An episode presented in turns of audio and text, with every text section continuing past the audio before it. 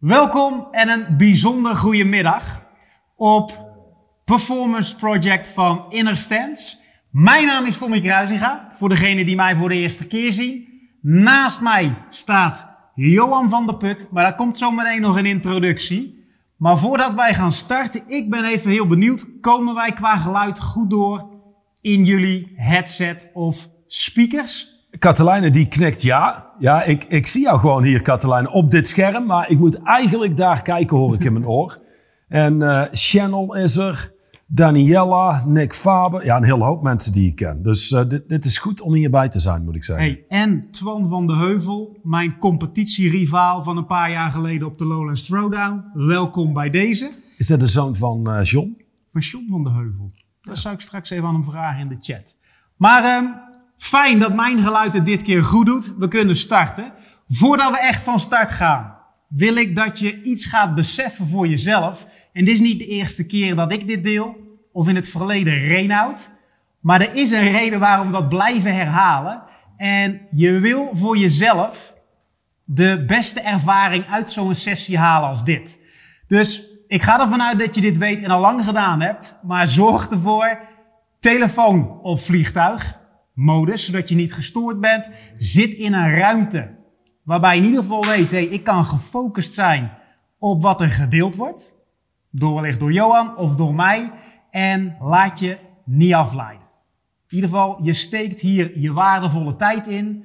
En daar wil je ook de meeste rendement uithalen. Dus focus en ben aanwezig zonder afgeleid te zijn. Is dat iets wat helder is? Zijn jullie daar in ieder geval klaar voor? Ik heb het idee dat uh, Channel nog. Uh, nee, nee, Channel is erbij. Heel goed. Heel goed. Het beste wat je kan doen om je eigen ervaring te upgraden in zo'n meeting als dit, is, ondanks dat dit een gratis meeting is, althans, ik krijg niks betaald. Ik weet niet hoe het zit met jou uh, en of mensen hier online betaald hebben. Maar één ding waar mensen steeds vergeten: het is geen gratis meeting. Je zult altijd moeten betalen met je aandacht.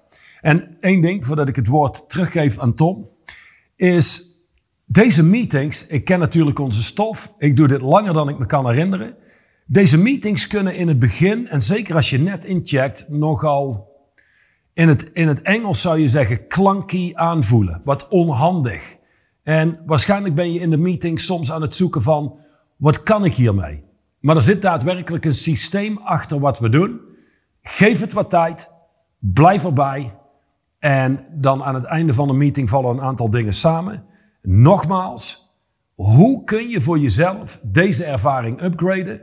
Is inderdaad wat Tom zegt. En ik weet, mensen hebben altijd een, een luisterend stem in hun hoofd. Telefoon uit. Ja, ja, ik blijf zo wel aanwezig. Ik heb dat niet nodig en dat soort zaken. Um, ik werk met professionals. Die zijn in dit soort meetings aanwezig. Die telefoon staat uit en die weten, ik kan toch maar één ding tegelijk doen. Die zijn alleen maar bezig met een meeting. Je haalt er dan simpelweg meer uit. Dat is toch het idee. Goed, Tom, terug naar de studio. Terug naar jou. terug naar deze kant van de studio. Um, vandaag twee belangrijke items die we gaan doornemen. En die we volgens uiteen gaan zetten. Dat is één, brutale eerlijkheid. De fundamentele tool om patronen te kunnen doorbreken maar uiteindelijk om als ondernemer, als trainer, coach, als topsporter succesvol te kunnen zijn en resultaten daadwerkelijk te boeken. In plaats van het te zeggen, het ook daadwerkelijk te doen. En daar gaan we straks verder op in. Daar gaan we verder uiteenzetten. En de tweede, of het tweede belangrijkste item is, wat is nou uiteindelijk een performance coach? Of wat betekent performance coaching überhaupt? En wat maakt het dat dat de gamechanger is? Hetgene wat het grootste verschil gaat maken in het doorbreken van patronen, wat ik net zei. Het boeken van resultaten die voorheen niet geboekt werden. En er is niemand beter in staat om dat door te nemen en uiteen te zetten met jullie als de persoon die naast mij staat, Johan van der Put. En het is aan mij de eer om de introductie, om uiteen te zetten wie staat hier nu naar mij, naast mij. Voor degene die hem nog niet kennen.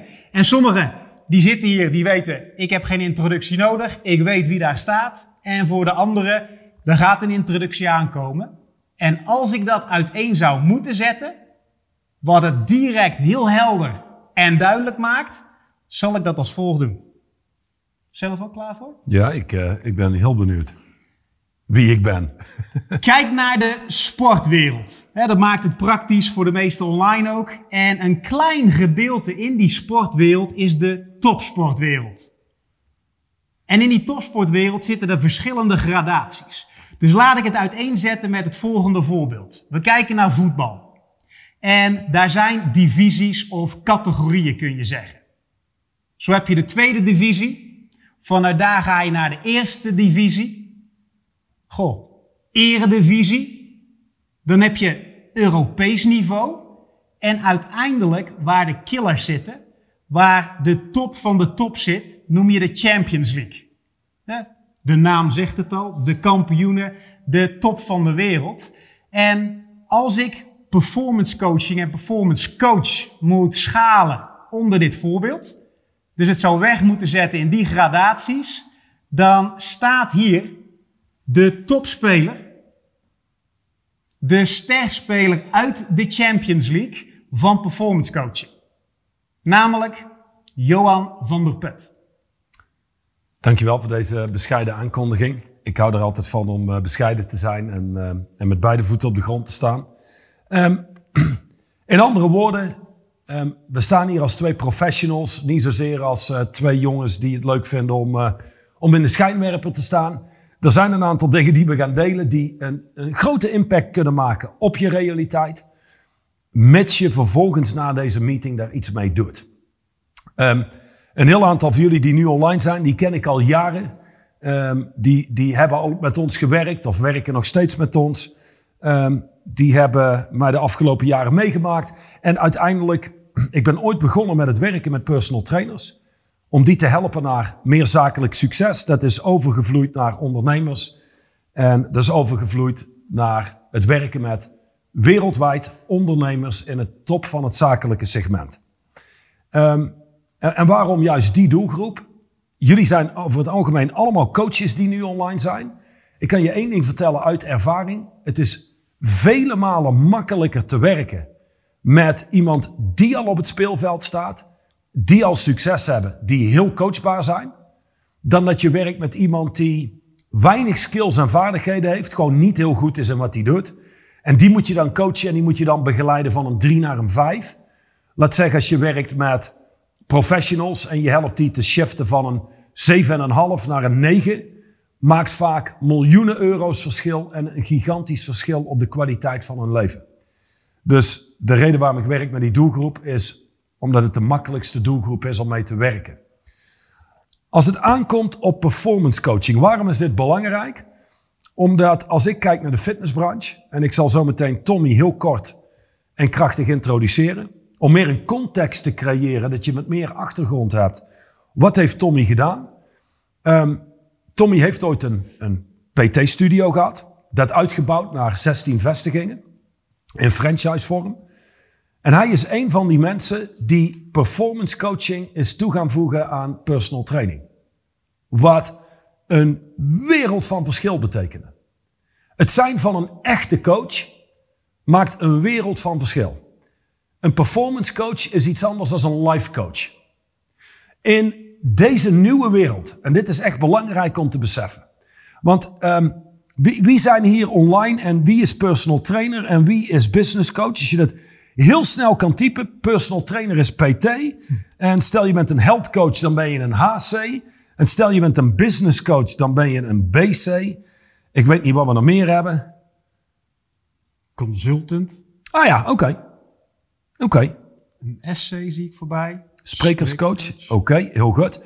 Uiteindelijk, de bottom line is dit, maar dit is wel heel belangrijk. We komen eigenlijk af um, in de afgelopen jaren, als je kijkt naar life coaching en dat soort zaken, en één ding, eh, een life coach is niet goed of slecht en een performance coach is niet beter of slechter. Het zijn wel verschillende werelden. En je hebt mensen die hebben een coach en die betalen om zich iets beter te voelen, wat minder stress te hebben, iets lekkerder in een vel te zitten, zo zou je het kunnen zeggen. De mensen waar wij specifiek mee werken, Dat is een ander, de andere doelgroep die, als je zou vragen, ben je gelukkig? Zeggen ze, ja, ben ik nooit mee bezig. Hoezo? Ehm, een performance coach die wordt betaald voor resultaten. Bottom line. Want denk aan het volgende. Jullie, ik zie een hele hoop personal trainers hier online. Maar ik zie ook een aantal business coaches. Weet één ding. Mensen betalen mij voor een coachingstraject van een jaar. Die hebben daarin 52 sessies. Omgerekend betalen ze ongeveer 3000 euro per sessie. Dan denk je, wow, 3000 euro voor een sessie. Of misschien zit er iemand online die denkt, nou, daar kom ik mijn bed niet voor uit. Heel goed voor jou. Maar de bottom line is, ze betalen niet voor een sessie. Ze betalen een personal trainer in de kern niet voor een personal training of voor voedingsadvies. Mensen betalen voor resultaat. Bottom line. En in business coaching kan een resultaat zijn. Meer euro's op de bankrekening is eigenlijk voor iedereen die me inhuurt belangrijk. Namelijk, ze doen een serieuze investering die moet terugverdiend worden. Als het aankomt op performance coaching in de health-industrie, mensen betalen voor keihard resultaat. Dat is de bottom line. Het zijn van een performance coach is belangrijk in de komende jaren. Maar als je gaat kijken, de doelgroep die daadwerkelijk geld te besteden heeft aan een coach, die huurt over het algemeen die coach in om daadwerkelijk een aantal dingen te veranderen. Als jij in staat bent dat te doen en je kunt een keiharde impact maken op de wereld van de ander, op zijn of haar resultaten, dan waarschijnlijk weten mensen je bij bosjes te vinden en beginnen ze geld naar je te gooien omdat ze met je willen werken. Om het enigszins te chargeren. Maar het is, het is een belangrijk item. Dan, wij hebben negen punten waar een performance coach aan voldoet, zou je kunnen zeggen. Ik ga er drie met je doornemen. Allereerst, een performance coach is een leider. It's a leader. Wat bedoelen we daarmee? Je zou een leider kunnen zien als iemand die heel effectief is om zichzelf en een groep mensen effectief van A naar B te bewegen. Straight line leadership is de meest effectieve manier, geometrisch gezien, om iemand van A naar B te brengen. Het is de meest directe lijn. Daar wordt voor betaald. Niet voor 58 coaching sessies, wat weinig effect heeft, maar de 59ste, goh, dat was toch wel goed.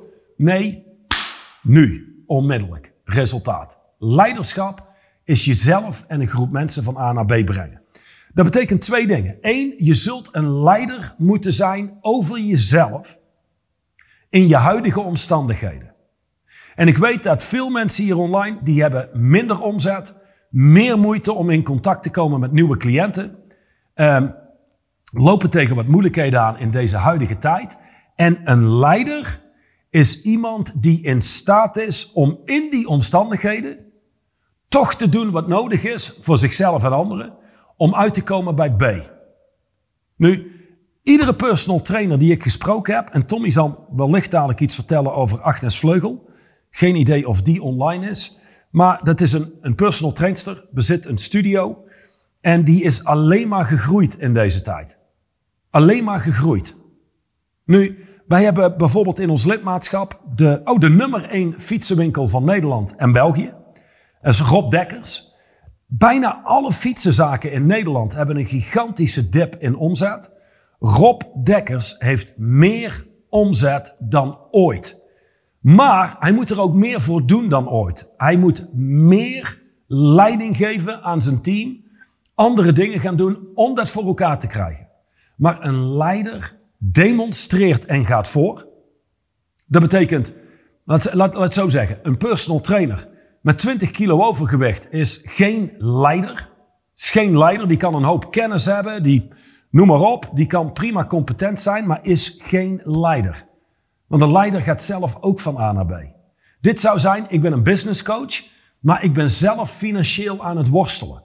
Dan ben je geen leider, want dan ben je niet in staat te leven wat je anderen leert. Dan nog één ding. En al haal je maar één ding uit deze meeting channel, als je dit eruit haalt, ja, dan heb je een topmeeting. Dus een leider is de leider over zichzelf in zijn of haar huidige omstandigheden. Nu, als iemand zijn wekker in de ochtend gaat dan zie je meteen leiderschap in actie. Namelijk of iemand stuurt zichzelf aan en die besluit, ik heb mijn wekker gezet om vijf uur of om zes uur of om zeven uur. En die staat op en die doet wat hij moet doen. En dan heb je een groep mensen, hun wekker gaat en zij sturen zichzelf niet aan, maar de stem in hun hoofd commandeert hen. En die stem in hun hoofd zegt, druk op snoes. Wacht nog even. We kunnen best nog even blijven liggen. Maar dit werkt verder door, want dit werkt niet alleen in de ochtend.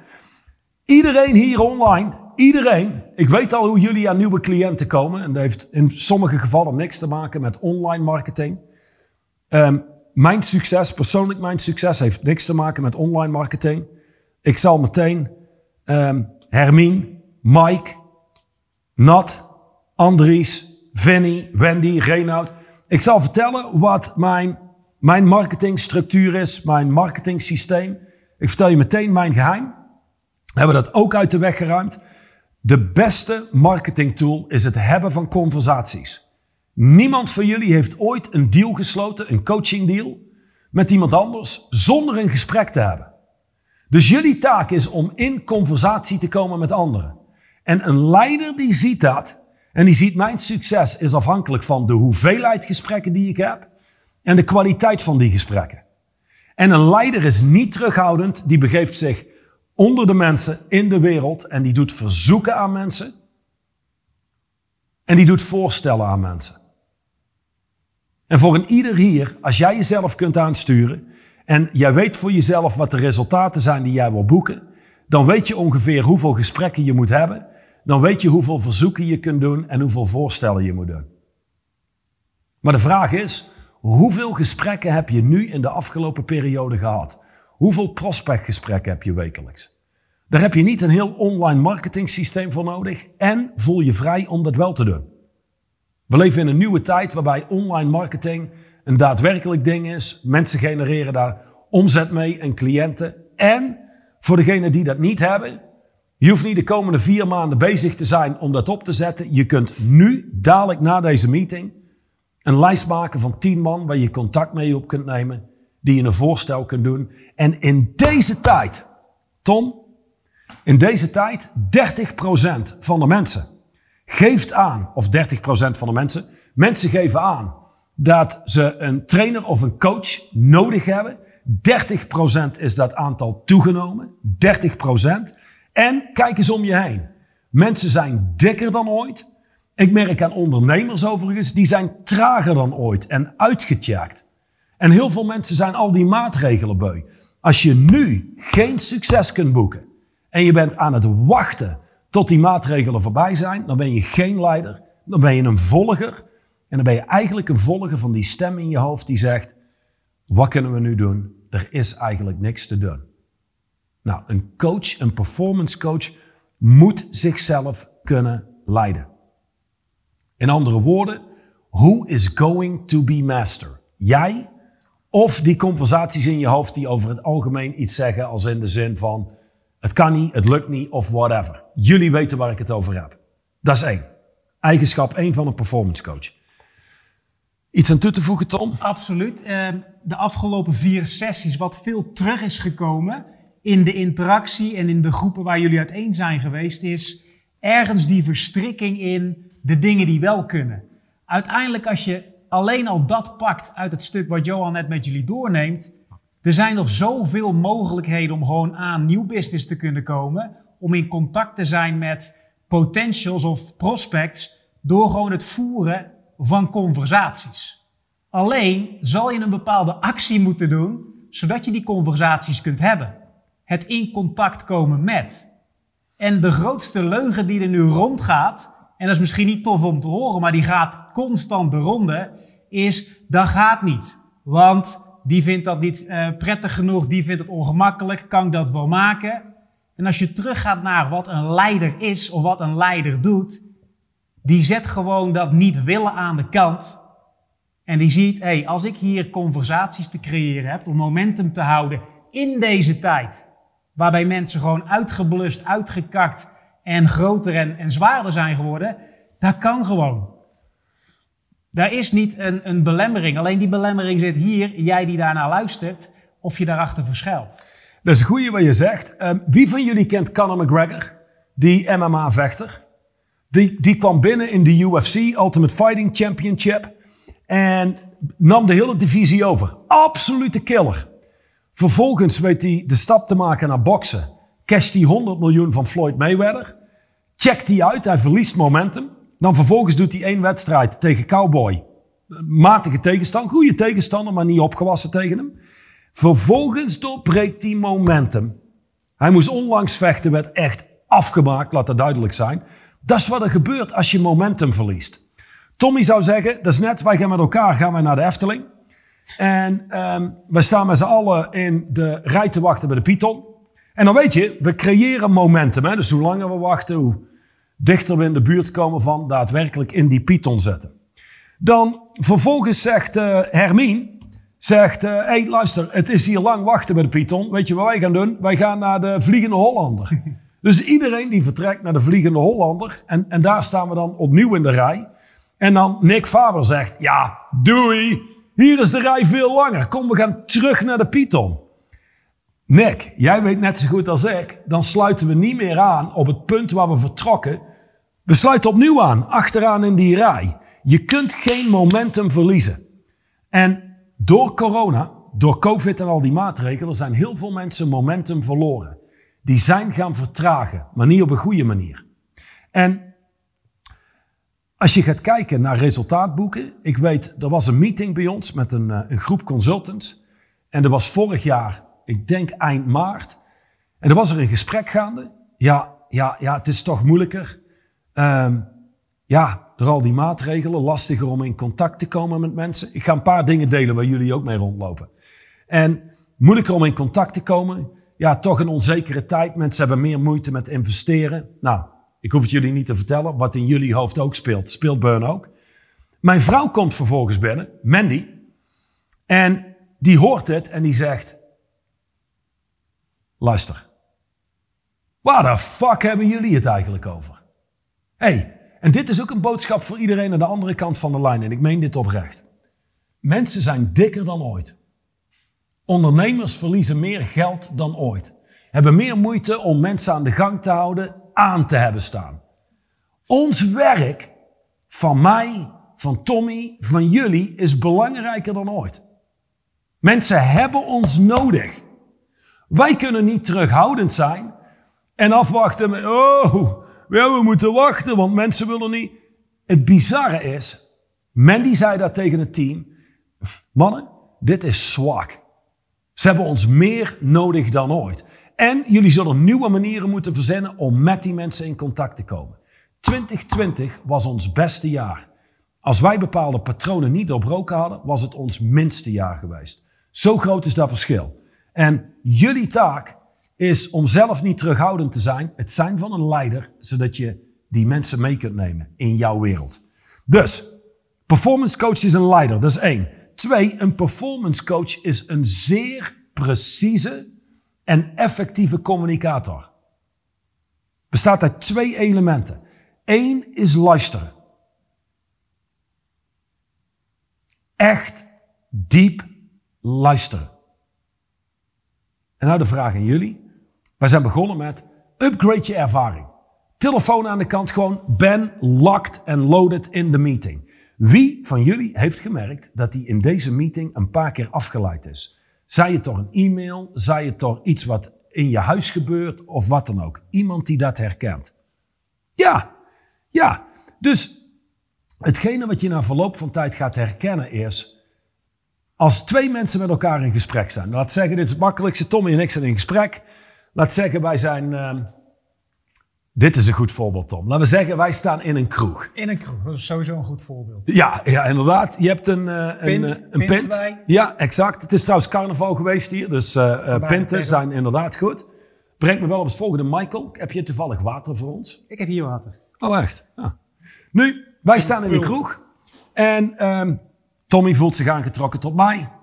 En ik weet nog niet of ik me aangetrokken voel tot Tommy hartstikke goed uitziende jongen. Maar ik heb wel het idee dat het een beetje een player is. Hij is een beetje glad, dus ik weet niet helemaal hoe of wat. En Wij zijn zo met elkaar in gesprek. Uh, iets in de zin van, goh, kom je hier vaker, vuurtje nodig en dat soort zaken. Jullie weten hoe dat werkt. En jullie zien één conversatie tussen mij en Tom. Maar in werkelijk zijn er een hele hoop conversaties gaande. Tommy heeft een gesprek met zichzelf over mij. Goh, wat een goed uitziende man. Als ik toch met zo iemand thuis kan komen, zou mijn leven compleet zijn. Zou wel wennen zijn voor Carline, denk ik. Maar, hè? En dan, ik heb conversaties met mezelf dat ik denk, oké. Okay. Ehm, ik dacht dat ik op vrouwen viel, maar goed, ik kan al, altijd experimenteren. Dat is een conversatie die ik heb met mezelf. En Tom heeft een conversatie met, goh, hoe gaat mijn vrouw erop reageren thuis en dit en dat. Dus er zijn een hele hoop conversaties gaande tussen mij en Tom, maar jullie zien er één. Maar in werkelijkheid zijn er een hoop conversaties gaande. Als jullie in gesprek zijn met een cliënt, met iemand waarmee je samenwerkt, weet één ding. Als je denkt dat je daadwerkelijk hoort wat een ander zegt, dan is de kans heel groot dat je met name hoort wat je zelf zegt over wat een ander zegt. In andere woorden, mijn ervaring is dat de meeste mensen niet heel goed luisteren. Weet je wie de ergste zijn? Degenen die zeggen dat ze heel goed kunnen luisteren, die kunnen over het algemeen helemaal niet luisteren. En dat bedoel ik niet goed of slecht, maar er is altijd een conversatie hier gaande die kleurt wat er daar gebeurt. Dus, een performance coach is extreem aanwezig hier in de realiteit en die laat die verhalen hier los. Dan gaat een wereld voor je open en je hoort wat er daar gebeurt. Je hoort ook tussen de, wat er tussen de regels doorgezegd wordt. De dieper gelegen bezorgdheden. Wie de ander is terwijl die spreekt. En weet je wat je ook gaat horen, Tom? Daar leg ik alvast een link naar zo meteen. Hoeveel mensen fucking liegen. En ik gebruik het F-woord bewust, omdat het, je hebt geen idee hoeveel mensen liegen. Daarover daadwerkelijk meer. Maar daar kom je wel achter door diep te luisteren. Verder, een performance coach is in staat om krachtig te spreken. Een performance coach spreekt niet tegen mensen, om het zo te zeggen. Die spreekt in mensen. Channel weet daar alles van. Die heeft laatst namelijk in een communicatiedag gezeten. Dus die kent het verschil tussen het landen van communicatie. En Channel, ik zie jou in beeld, maar heb jij gemerkt dat het kunnen landen van communicatie jouw impact laat stijgen? Dat is normaal gesproken een dag en nacht verschil. In één keer, als je iets zegt, gebeurt er iets daar aan de andere kant. Daarnaast, een performance coach is specifiek. En die maakt onderscheid tussen feiten en meningen. Ik zal hem makkelijk noemen. Ik doe soms ondernemers een voorstel. Is 150.000 euro voor een jaar. En het is wel eens voorgekomen dat iemand zei, wat? Dat is een hoop geld. En wie weet is er iemand nu online die denkt, holy shit, dat is inderdaad een hoop geld. Alleen 150.000 euro is 150.000 euro. Dat is niet zozeer een hoop geld. Channel, channel, inderdaad een hidden assessment, een verborgen mening van iemand. Dus sommige mensen vinden 300 euro veel geld. Die kijken naar 300 euro en, uh, en, en die denken, oh dat is een hoop geld. Anderen kijken naar 5000 euro en die denken, oh, oké, dat is een koopje. Dus het is de persoon die kijkt naar 300 euro of naar 500 euro en die zegt, oh, nou dit is geen geld. Of dit is wel een hoop geld. Wat er hier gebeurt over wat er daar speelt, is wat bepalend is. Dus een performance coach maakt onderscheid tussen feiten en meningen. Goh, ik, ik vind het zwaar. Ik kan een glas water laten zien. Ik kan een, uh, een laptop laten zien. Ik kan een decor laten zien, dat is hier achter ons. Maar ik vind dit zwaar of ik vind dit pittig, kan ik niet laten zien. Dat is zeg maar wat iemand hier intern creëert over wat hij moet doen. Een performance coach kan die werelden scheiden. Scheiden. Dus er bestaat niet zoiets als moeilijk. Ik vind het moeilijk om mensen te bellen. Nou, het bellen van mensen is niet moeilijk. Ik heb hier een telefoon liggen. Ik kan hier gewoon iemand aanklikken en dan heb ik stembanden en dan doe ik dit en dan bel ik. Dus een performance coach die gaat op onderzoek uit en die zou zeggen, wat exact bedoel jij met moeilijk? Wat gebeurt er daar wat jou laat zeggen, ik vind dit moeilijk? En dan vervolgens krijg je, oh, uh, ik weet niet wat ik moet zeggen. Of ik ben bang om een voorstel te doen, of weet ik veel wat mensen roepen.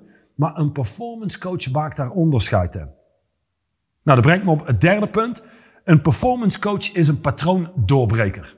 Jij moet patronen kunnen doorbreken. Als jij een personal trainer bent en iemand komt op 1 januari binnen en die zegt, ja, nu, nu gaat het gebeuren, dit is mijn jaar. En ik ben hier terechtgekomen omdat ik weet dat, dat jij mensen heel goed eh, begeleidt. Ik wil 20 kilo afvallen. Het patroon wat iemand vaak draait is, ja, dit is de negende keer op 1 januari dat iemand zegt, nu gaat het gebeuren. En mensen pakken iets aan vol enthousiasme en zoals jullie weten, dat neemt af over tijd. En binnen 15 dagen zijn de meesten toch al een heel stuk minder enthousiast, hebben de eerste training al een keer gemist en een performance coach doorbreekt dat patroon. En er zijn allerlei tools Zoals een timmerman een hamer heeft en spijkers en weet ik veel wat hij allemaal heeft, heeft een performance coach allerlei tools. Vragen, statements, verzoeken doen, hidden assessments opsporen. Um, eigenlijk te veel om op te noemen. Die doorbreekt patronen zodat mensen daadwerkelijk resultaat boeken. Nogmaals, mensen betalen niet voor personal training. Mensen betalen niet voor business coaching. Mensen betalen uiteindelijk voor resultaat. Dat is echt wat ze doen. En sterker nog, al zouden ze dat resultaat kunnen creëren zonder personal training en zonder voedingsadviezen, maar gewoon door een pil te pakken, zouden de meesten dat ook doen. Dus maak geen fout door te denken dat ze komen voor jou of een coachingstraject. Ze komen voor resultaat. Dat is essentieel. Hoe effectiever je mensen van A naar B kunt brengen, hoe hoger je tarieven kunnen zijn, hoe meer doorverwijzingen je krijgt, hoe makkelijker je werk wordt. Dan om dit af te ronden, het zijn van een performance coach. Het zijn van een performance coach ben je niet na een weekend seminar. Weet je, ik volg een weekend seminar en nu ben ik performance coach. Het zijn van een performance coach heeft veel meer weg met het zijn van een hersenchirurg. Iemand die twaalf jaar lang heeft moeten studeren.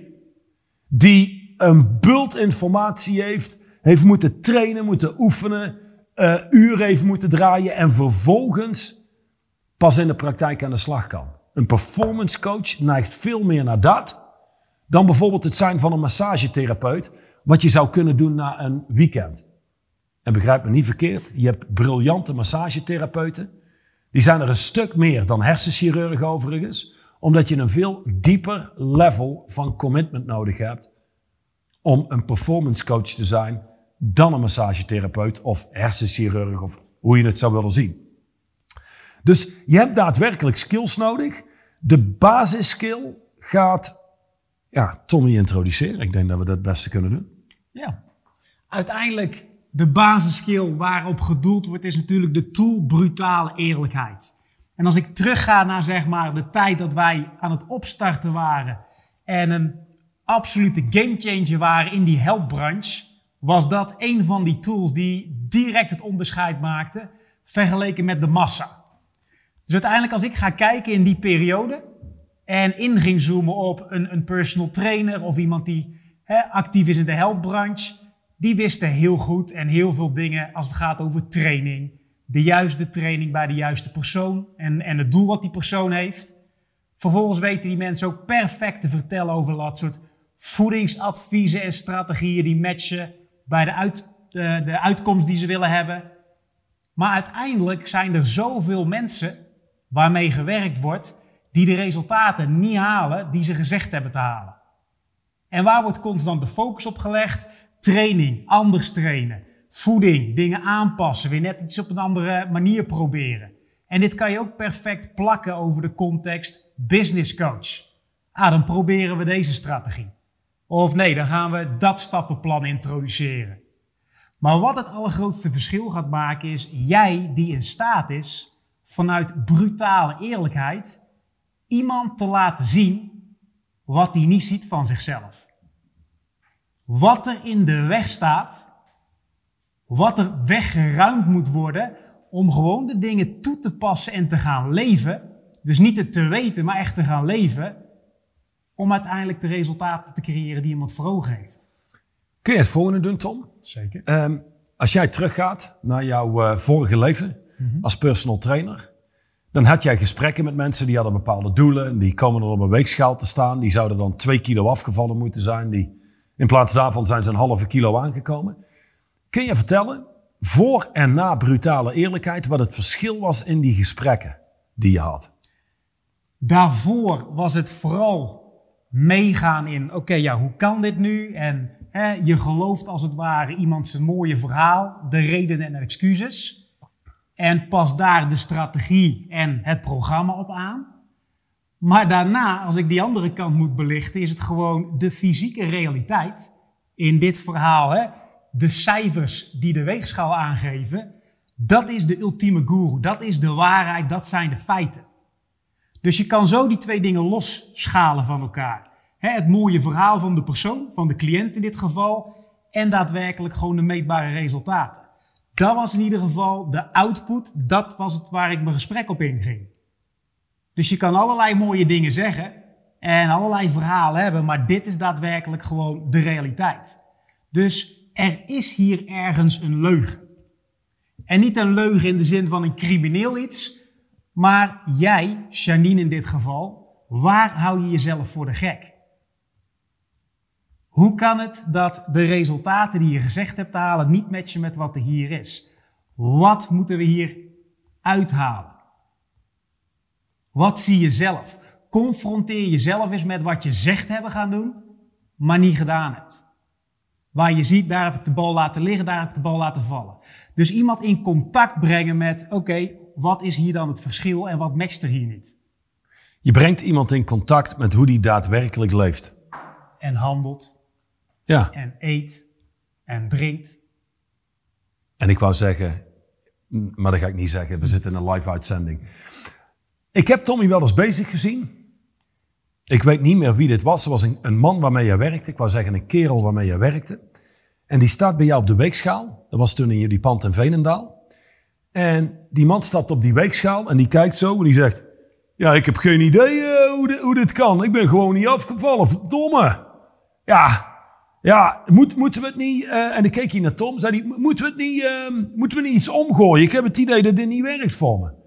En toen zei Tom... Hm, weet je wat niet werkt? En dit klinkt heel direct en heel hard.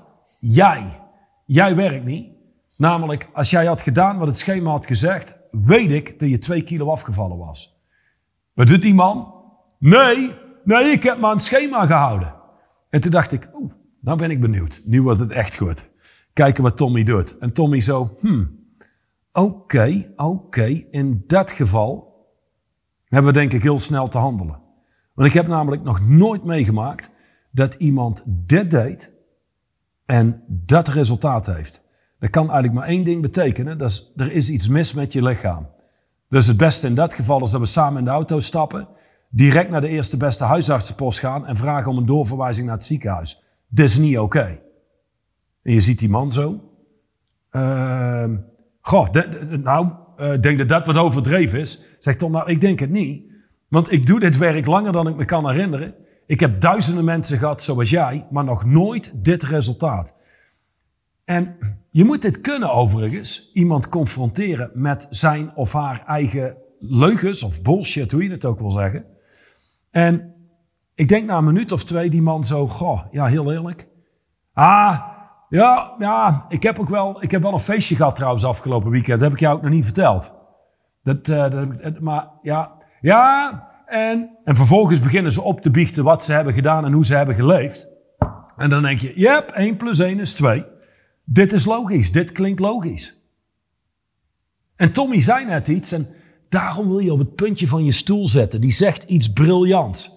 Namelijk, Johan, geloof jij alles wat jouw cliënten zeggen? Dit zijn over het algemeen hele succesvolle ondernemers.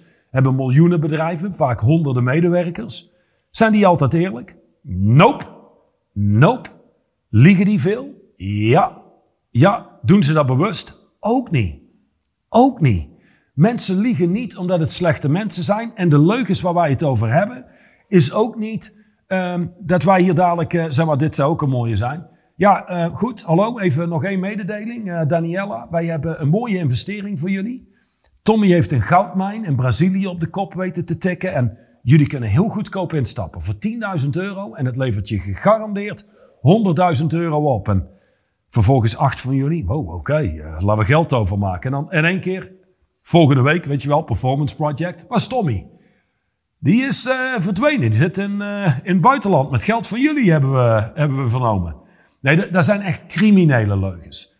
De leugens die mensen je vertellen zijn leugens om er beter uit te zien. Om er niet slecht uit te zien.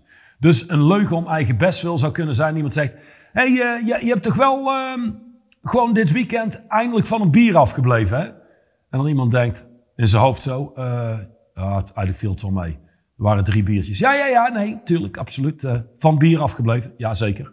Ondanks het carnaval was hier in Limburg en, en Brabant. Of, uh, hey, maar je hebt je wel aan het voedingsplan gehouden. Ja, ja, ja, ik heb denk ik één keer afgeweken. Dat, dat was het eigenlijk. En in werkelijkheid, als je kijkt naar hoe ze geleefd hebben, dit is hoe het werkt. Um, iemand stuurde me ooit een video toe, want ik had een opmerking gemaakt. Ik zeg, luister, één ding, weet één ding. Mensen liegen. Mensen liegen in 80% van de tijd. En toen mijn coach dat vertelde tegen mij, Dusan Dukic, de schrijver van het boek Straight Line Leadership, dacht ik te verstaan, een soort van, weet ik veel, 80% van de mensen liegt regelmatig of zo. Zei hij, no, no, no, no, no. All people lie about like 80% of the time. En toen zei hij ook nog, het doel in coaching is niet te zorgen dat mensen 100% van de tijd 100% eerlijk zijn. Het is dat ze eerlijk genoeg zijn om te veranderen. En wat Tommy net zei, hoe weet je nou wat iemand deelt of dat wel of niet klopt? Door te kijken naar de realiteit. Dus de realiteit waar water nat is, stenen hard zijn. Door te kijken naar de resultaten daar. Ik bedoel simpel. En als jullie hier, die nu aan het luisteren zijn, als jullie allemaal per persoon een commitment maken om tien mensen aan te spreken. Tien mensen aan te spreken per dag. Gewoon, je denkt, ik ben niet terughoudend. Ik heb een product wat werkt. Ik ben een performance coach. Ik help mensen vooruit. Laat ik niet terughoudend zijn. En laat ik één, simpele tip geven. Ik weet dat tips niet werken, maar deze doe ik speciaal voor Lisanne Hoogland. Geen idee wie Lisanne is, maar ik zie haar naam hier. Je kunt vanuit het niks contact opnemen met mensen. En komen vanuit, ik val je lastig. Ik kom iets nemen. Of de positie waar je vandaan komt is, ik kom iets bijdragen. Ik kom iets brengen. Dat is een andere positie. Werkt een stuk beter en nog steeds geeft niet iedereen akkoord op je voorstel. Maar als jij tien mensen per dag belt en een ieder hier doet dat. En je doet krachtige voorstellen en je weet goed diagnoses te stellen met mensen. Dat ze weten, weet je, wat wil ik uit het leven halen? Waar loop ik tegenaan? En, je bent goed in je werk. Dan zijn er altijd mensen die zeggen, ja, ik wil met je gaan werken. En hoe weet ik nou of jullie die telefoontjes wel of niet gedaan hebben? Door te kijken naar jullie resultaten. Het kan niet zijn dat je zegt, ik doe iedere dag tien telefoontjes. En mijn resultaat is, niemand wil iets met me te maken hebben. Dat is, dat is onmogelijk. Ja, niet helemaal, maar dan zou het zijn, je belt en dan bel je, ik weet niet, dronken op met een dubbele tong. Of je komt met een heel slecht verhaal. Of hoe je aan de telefoon overkomt is als een gladde verkoper. Dat werkt niet heel goed. Maar resultaat liegt nooit.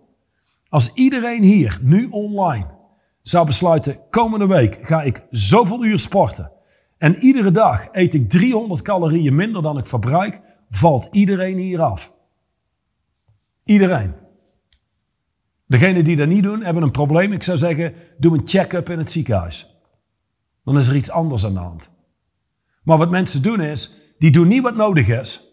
Willen daar geen verantwoordelijkheid voor nemen, want die zien zichzelf als goh, slecht of als een loser of dat kan ik niet maken. En dus liegen ze erover. Hoe werkt dit? Ik zag ooit een, ehm, een documentaire van vijf minuten. Ik zal twee voorbeelden geven. De zakelijke wereld en uh, voor performance coaches in de health-industrie.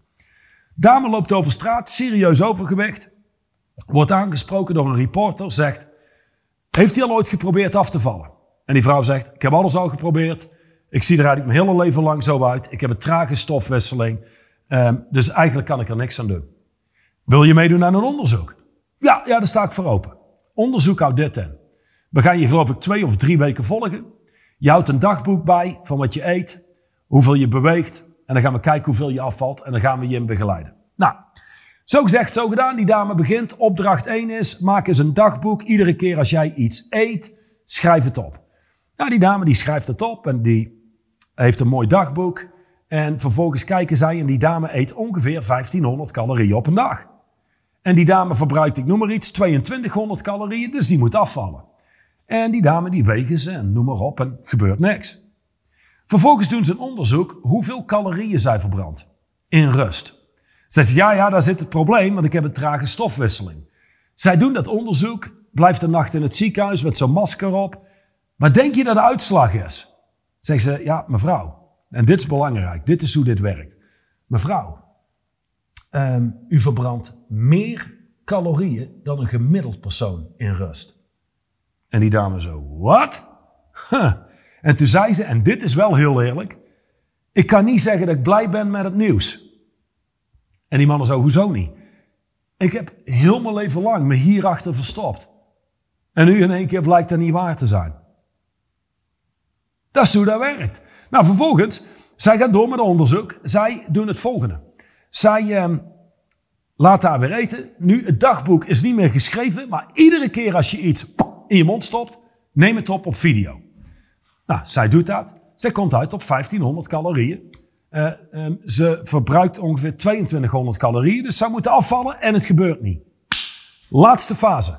Zij krijgt iedere dag een, uh, een flesje water. En in dat water zit een speciaal middel en dat trekt wat zij eet en hoeveel calorieën ze binnen heeft gekregen. Nou, dat eindigt dus als volgt. Ze zit daar dus samen, weet je wel, met die reporters.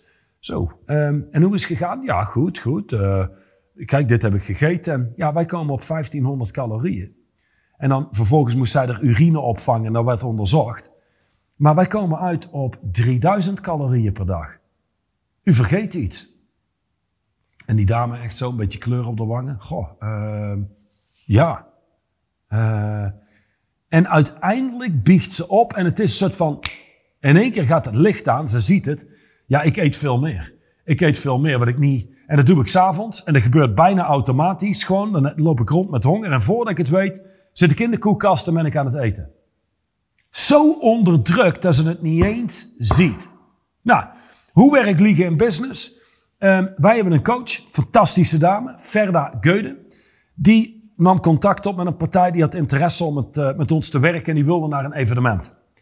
En dit was een specifiek evenement. Je moest minimaal, ik geloof, 10 miljoen euro omzet genereren om daarbij te kunnen zijn. Een bepaalde omvang van een bedrijf hebben. Heeft niks te maken met de omzet, maar 10 miljoen euro omzet geeft iets aan over de complexiteit van het bedrijf. Dus ja, um, die mensen, oh ja, nee, maar wij voldoen daaraan. Dus uh, ja, wij zijn, zijn daar heel graag bij. Vervolgens spreekt zij de compagnon van die man die erbij wil zijn. En die zegt, ja, ja, wat jammer dat we niet naar het evenement kunnen. Oh, hoezo, zegt Verda. Ja, wij zetten geen 10 miljoen euro om, hè. We hebben afgelopen jaar nog geen 6,5 miljoen euro omgezet. Maar die andere eigenaar die roept, oh ja, nee, ja, we zijn met hak over de sloot. Ik geloof 10,1 of 10,2 miljoen. Dat is hoe het werkt. Smokkelt er even 4,5 miljoen bij. Dat is hoe mensen zichzelf in de vingers snijden. Waarom? Je kunt niet afkomen van een probleem wat je niet hebt. Dus dat hele radicaal eerlijk denken, denk aan positief denken. En ik weet dat ik misschien één of twee mensen voor de schenen schop, maar negeer even wat, wat er in je hoofd al speelt. Luister even naar wat ik te zeggen heb. Dus denk aan positief denken. Daar ben ik geen fan van. Um, je bent misschien een stap verder dan negatief denken. Dus daar moet ik je nageven. Maar het is geen effectieve manier van leven. Maar voordat je in je hoofd schiet en denkt, wat een eikel, die Johan van der Put. Daar heb je misschien ook wel gelijk in. Maar laat ik mijn statement afmaken voordat ik terugschakel naar Tommy. Positief denken. Waarom is positief denken nodig? Eigenlijk maar om één reden. Wij kijken naar iets, bijvoorbeeld de COVID-maatregelen, de avondklok. En denken we, oh shit. Dus de avondklok is de avondklok. Betekent niks.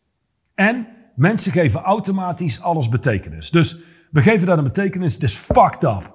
Ik kan de deur niet meer uit, ik kan dit niet doen, ik kan dat niet doen, is fucked up. Maar hey, we willen niet negatief denken. Wij willen een positief mens zijn. Dus wat we dan gaan doen is positief denken. Ja, ja weet je wat het is? Ja, um, dan heb ik wel alle tijd s'avonds om eindelijk met het gezin Mens erger je niet te doen.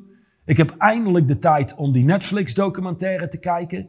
En ja, we hebben eindelijk tijd echt knus met het gezin met elkaar. Dit is wat er gebeurt. Dit is wat er in realiteit gebeurt. Dus we hebben een event. Avondklok. En dit kun je vervangen door echt alles. Event.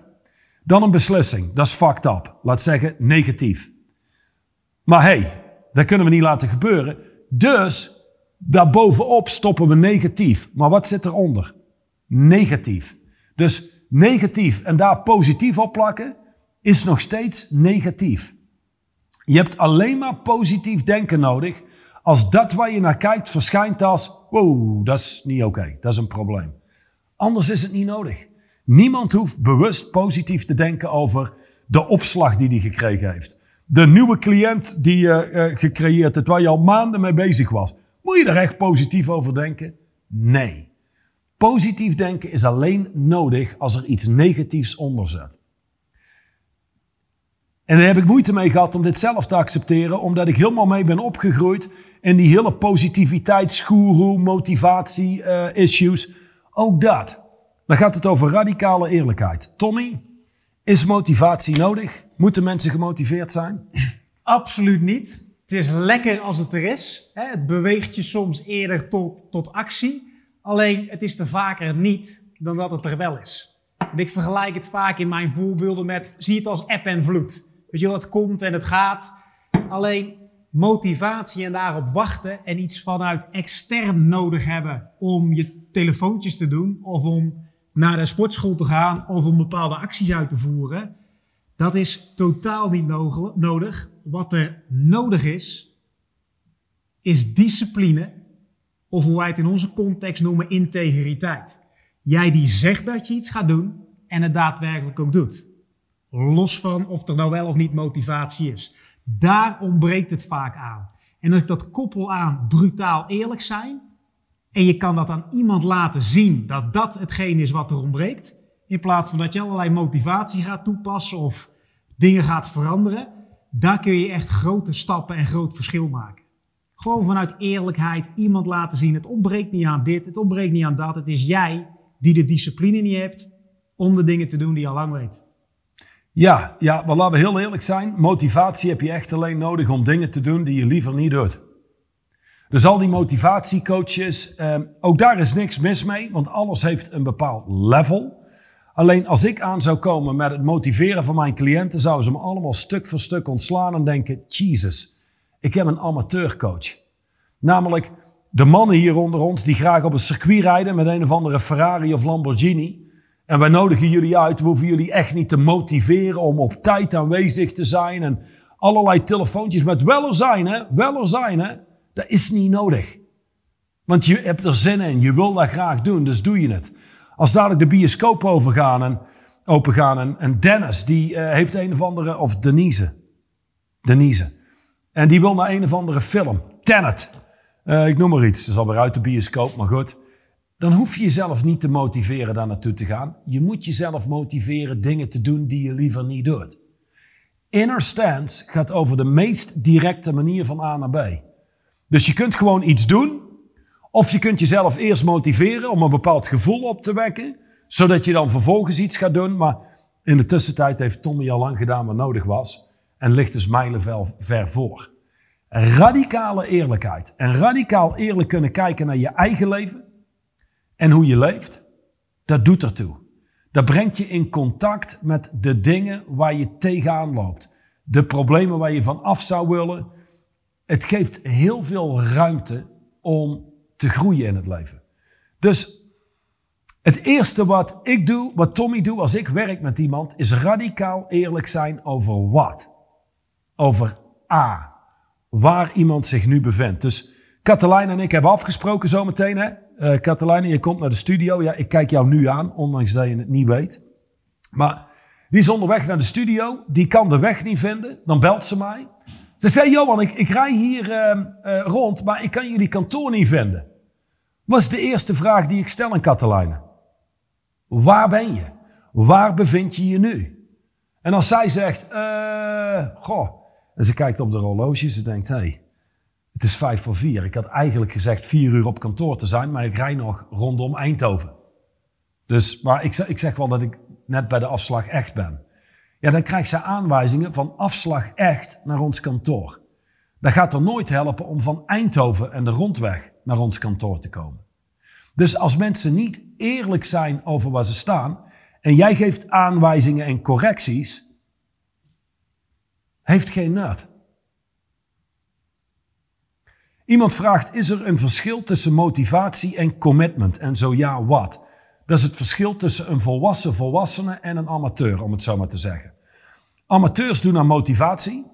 Dus dat betekent, goh, ik moet me op zo'n manier voelen, want motivatie. Ik bedoel, ik kan jullie een iPhone laten zien, een bierviltje, of, of gewoon een viltje, hoe je dat ook noemt, van Innerstands, een schrijfblok, een laptop. Laat mijn motivatie maar eens zien. Oh, eh, ha, huh. Oké, nee, dat is gewoon jij die ha en he doet, dat is geen motivatie.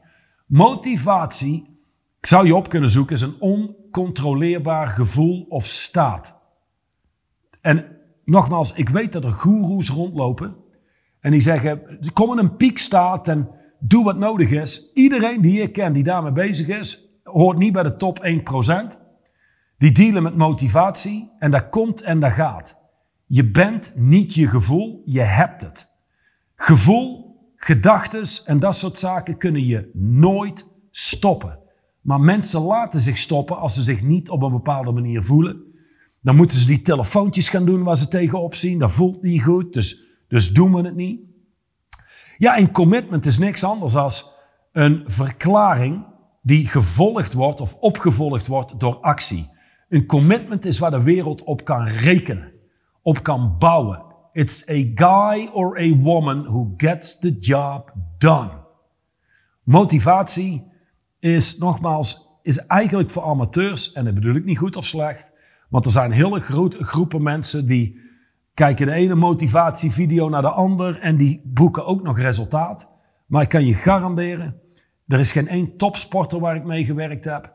Geen één topondernemer waar ik mee gewerkt heb die dat bereikt heeft op basis van motivatie. Die hebben dat gedaan op basis van dit zijn noodzakelijk vereiste acties en die ga ik doen. En die garanderen zichzelf dat ze het doen. Die laten niks in de weg staan. Dat is een commitment. Motivatie wil eigenlijk zeggen, ik doe het als ik me zus of zo voel, maar als dat goede gevoel weg is, of het slechte gevoel is er, ja, dan kan ik het dus niet doen. Dat zijn twee verschillende werelden. Goed, Tom, zou jij kunnen afronden? Want dit duurt 60 minuten zeker. Dit duurt exact 60 minuten. Vandaag niet. Ik denk twee minuten langer voor degenen die die tijd vrij kunnen maken. Maar um, ik dacht misschien hebben we nog... Ik heb nog voor vier uur aan stof eigenlijk. um, maar kun jij heel kort vertellen over Wim? Ja, Um, Wim is een cliënt waar wij al een enige tijd mee werken. Maar wat tof is om te weten, die is ooit begonnen bij Agnes, de dame waar Johan het over sprak, een aantal jaar geleden op het fysieke vlak. En uiteindelijk is Wim binnen een jaar 60 kilo afgevallen. 60 kilo. Dat is een demonstratie van commitment en doen wat nodig is. Maar uiteindelijk Agnes die bij ons in een traject zit als het gaat om performance coaching inner skills, inner stance, performance coaching skills op te doen en meester te zijn. Dat is wat daar de demonstratie is geweest. Gewoon eerlijk Wim kunnen laten zien, wat staat er in de weg? Hoe leef ik? En wat zijn de consequenties als ik dit blijf doen en elke keer maar de boel vooruit schuif of mooie verhalen heb waarom het er niet is? Dat was een hele goede trouwens, wat jij zei. Die Wim, die keek voor het eerst in zijn leven echt heel eerlijk, als ik zo blijf leven, hoe ziet mijn toekomst er dan waarschijnlijk uit? Ik denk dat dat de, de, een grote shock was in eerste instantie. Ja, iets in ieder geval waar hij absoluut nee tegen zegt. Maar waar iemand hem nog nooit zo duidelijk mee in contact heeft gebracht. Vanuit eerlijk gewoon zien, wat gaat hier gebeuren? Vervolgens na dat jaar en hij die ervaart, goh, wat voor impact maakt dit niet alleen op mijn fysieke lijf, maar op mijn level van energie, op wie ik ben, gewoon persoonlijk is die gaan kijken en met mij in gesprek gekomen om performance coaching toe te passen op wie die is als ondernemer. Binnen zijn organisatie, ten aanzien van zijn mensen. En ook daar begon hij eerlijk te kijken, wie ben ik hier eigenlijk? En de knelpunten die ik hier zie en de uitdagingen die er liggen. Wat zegt dat over wie ik ben als leider? En vanuit daar ook daar weer de contact te kunnen leggen met wat zie je hier? En confronteer jezelf eens echt. Maar wat moet hier uit de weg geruimd worden om ook hier impact te maken? Heeft dat een uitzonderlijk effectieve organisatie gecreëerd in de loop der tijd? Dus puur brutale eerlijkheid vanuit performance coaching toepassen op een persoon in zijn gezondheid. Die ziet in zijn persoonlijke leven wat dat doet. Zijn gezin, zijn relatie en uiteindelijk ook binnen zijn business. Dat is uiteindelijk de ware power gewoon van een hersenchirurg zijn, een performance coach, ten opzichte van iemand briljante tips en adviezen. Die door leugens heen kan snijden. En strategieën geven. Ja, die door leugens heen kan snijden. Die iemand echt kan laten zien hoe die leeft. En dat is vaak een schok voor mensen. Als samenvatting, we hebben twee dingen besproken. En ik ga een korte opdracht meegeven die je wel of niet kunt doen. Maar ik zou zeggen, hij, hij kan een groot verschil maken. Een performance coach is een leider. Iemand die precies, nauwkeurig en effectief kan communiceren. Het is een patroondoorbreker. Zo hebben we nog zes punten voor de komende meetings. Um, waarom is dat belangrijk? Mensen betalen voor resultaat.